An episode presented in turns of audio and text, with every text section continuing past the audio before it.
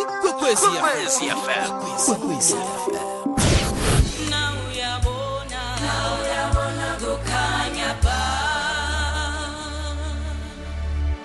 kuyazwakala nasele kunjalo-ke khe satsho ngaphambilini ari kathi eh ngathi siyo- siyokuhlola lapha esifune sempumalanga ukuthi umbiko obuyako ngama-easter nje endleleni kuhambe kanjani um ukhona lapha kuphethe ungomani um bewangikhumbuza lapha ujames ungomani walapha-ke um egwalagwala. So umhlonitshwa lapha ku-mec um lapha-ke ehlangothini-ke lokuphathiswa um esifundeni sempumalanga ari-ke lapha-ke endleleni. Ya ngehlangothini-ke lezendlela um nenthuthi kukhona nje emtatweni. Mhlonitshwa Ni- ninjani msakathi ngibingelele balalele emakhaya. Hayi Asikhona, kuright kakhulu. Mhlonitshwa. ama-easter bekanjani? Eh ma Easter beka hectic mngani wami man. Eh but thanks ukuthi basebenzisi bemgwaqo nani eh nibasakati. Na wonke umuntu ubonisile ukuthi eh lo msebenzi akusungumsebenzi wethu sodwa. Umsebenzi wethu eh sisonkana sisive. But eh kumele ngikusho ukuthi eh sibonile umehluko ukuthi abantu bazamile ukuthi iphatha kahle. Noma likhona lidlanzana lelikhona likhombisa ukuthi eh kusanemsebenzi omkhulu lekumele siwende. Kodwa abantu labaningi baya appreciate even ne community yasho ukuthi no eh ukhona umehluko. Inkinga lenkulu umsakati lesihlangabetana nayo la emigwaqeni ngebantu labanatha tshwala bangena emigwaqeni ngoba abantu mase banathile benza ama-decision le akhosa ama-unnecessary problem. Njengokuthi bagijime kakhulu.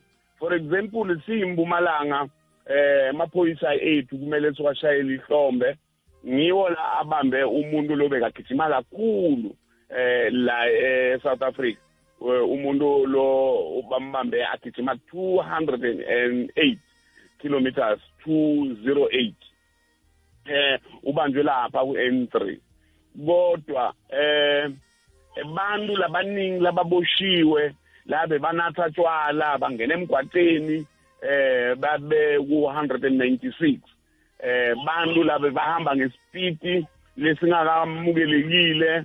Eh labo nibo labo basikhosele unnecessary problem ngoba labo bantu baya overtake etindaweni letingasikahle balayishe ngalokweqile labanye bantu laba eh basikhosele iproblem sakathi ngilaba eh laba ngi15 labe ba excessive eh speeding beba ngi15 la eprovince lenye into leyisicakile emsakathi ngoba besigade kakhulu lama national roads eh sicabanga ukuthi niwo la abanetingoti ngoba ihistory sitshela njalo ukuthi tingoti tiyenteka kubo N4 tiyenteka kubo N11 N17 R23 ingoti leti tihambe netimpilo tebantu atikendeki kuleto tindzawo tiyenteke eh kuma kuma municipal roads eh, nema provincial roads. So eh in future uma siplana sawuplana ukuthi asishina yinye indzawo eh sithi eh, tina ima resources wethu kumele siwabeke kuma national roads kuphela so kumele sibonge kakhulu libanjiswano nanoma kube khona eh lokhu kungakahambi kahle kodwa i-improvement ibe khona.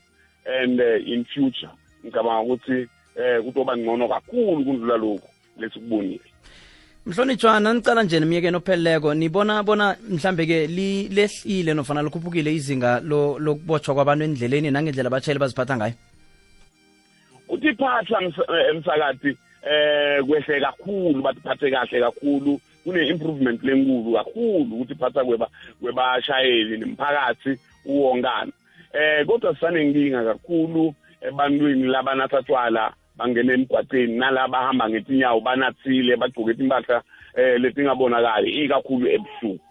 Eh lenye into eh, angeke ngikhulume ngema-stats ngoba wasawa-consolidate kodwa ngineqiniso ukuthi mhlawumbe eh kukhona ukuthi i-improvement but at the moment eh laba labasiphethe basa-consolidate ama-statistics ukuthi sime esimeni lesingakanani. Kodwa by the looks of things eh ngicabanga ukuthi i-improvement ibe khona kakhulu. Kunabanye ke baphatha imithwalo eminingi kunabanye bakhamba eh ngenkoloyi ezingasise endleleni amaphepha wabo expirile ngaphana ngapha ke bona nibone bangangani? Hey labo bo ba- labaphatha eh bahamba ngetimoto letingekho esimeni sekuba sendleleni. Hey basathi ah, ngoba uyabona uma kunale nkinga yokuthi bekune strike se semabhasi. Isikhosele iproblem ngoba abantu bebathatha noma yini bangene nayo emgwaqeni ngoba bebona ne transport but eh siyabonga ukuthi le strike sesiphelile kodwa eh eh ma overload eh asaqhubeka. Ikakhulu labantu labandlulela ngale kagogo eMozambique. Eh bathi sebenzisane kahle kakhulu ne-department of public works eh basite kakhulu ukuthi eh bantu labe bathweleka imoto bathwele ithwele ma overload bathi khiphe endleleni. So eh lo msebenzi lo wokubambisana nawo wonke ma security agencies ngicabanga ukuthi sewuthatha i-momentum le-right kakhulu ngoba wonke umuntu uyakhombisa ukuthi kumele sibambisane nawo umsakazi ithe every time mangilalela ikwekwezi benginiva nikhuluma nge- ngetekuphepha so ngineqiniso ukuthi le ndzaba yokuphepha ayisabi ngumsebenzi wemaphoyisa kuphela na-government. Wonke umuntu uma abamba umbhobho uma kufika la kunebantu ukhuluma ngetekuphepha so ngine ngi- a- a- a- angimibongele kakhulu ngibongele nemphakathi kodwa lokhu lokuncane lokusasele nakanjani uma sibambisene eh sakunqoba. Mhlonishwa ke umbuzo wokuphela siyendabeni zephasi kusele 2 minutes nje kwaphela. Eh kuyazwisiseka ukuthi uthabile. You happy ngendlela bekungayo-ke endleleni? Eh ngikubone lapha ke libombo ethelevishini bona ama-traffic just to update abantu ukubatshengisa ukuthi nawe uyazibandakanya eh endabeni le nama-traffic uba khona. Nibuye nini lapho ke libombo? Isitolo lapha elibombo njengoba ungibonile ekuseni i eh umsakathi. Ngifike lapha ngo5 ngo5 o'clock ekuseni. Uma ngifika lapha elibombo eh sifike sahlanganyela nabaka home affairs baka SARS wonke umuntu defense everybody.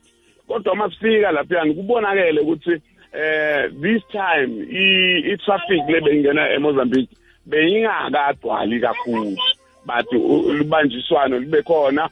Sihliti lapha kwaze kwashaya 11 o'clock sadriver sahamba saye eMiddelburg eh the lapha e-toll plaza yase Middelburg sihliti lapha e-toll plaza kwaze kwaba late. Kodwa hey ubonile emsakade ngoba nawo futhi lapho nePitoli neMiddelburg. Hayi traffic lapho ke beyi isetulu kakhulu.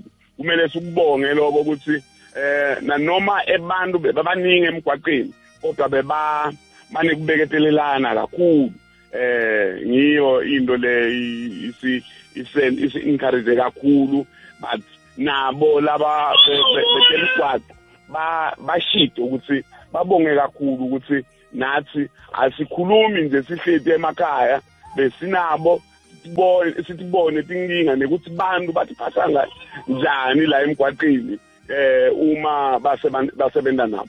Sibonge kakhulu eh msakazi siyathokoza kuzwakele-ke nasele kunjalo-ke. Mhlonishwa kulotshise lapha nabantwana abalilawo lapho inkolo zivuliwe subalotshise udelele ngiyamlotshisa eh eh, lo mntwana manje eh uyangihlupha u- akafuni ukuthi njengoba namuhla ngithe kumele ngiphume la ngo9 o'clock ngiyemsebenzini eh sasekhona la angithi kumele nabo ebantwana eh sibanikele luthando badrobha nesikolweni. Neke siyathokoza phethe ingomani ngiyabonga baba. Uzwakele-ke besikhulumisana apha-ke no-mec uphethe ingomani-ke ophathiswa lapha-ke zokuphepha nokuvikeleka esifundeni sempumalanga ngendlela ekungayo kubeke kamnandi hle kwazwakala ngendlela khona ari-ke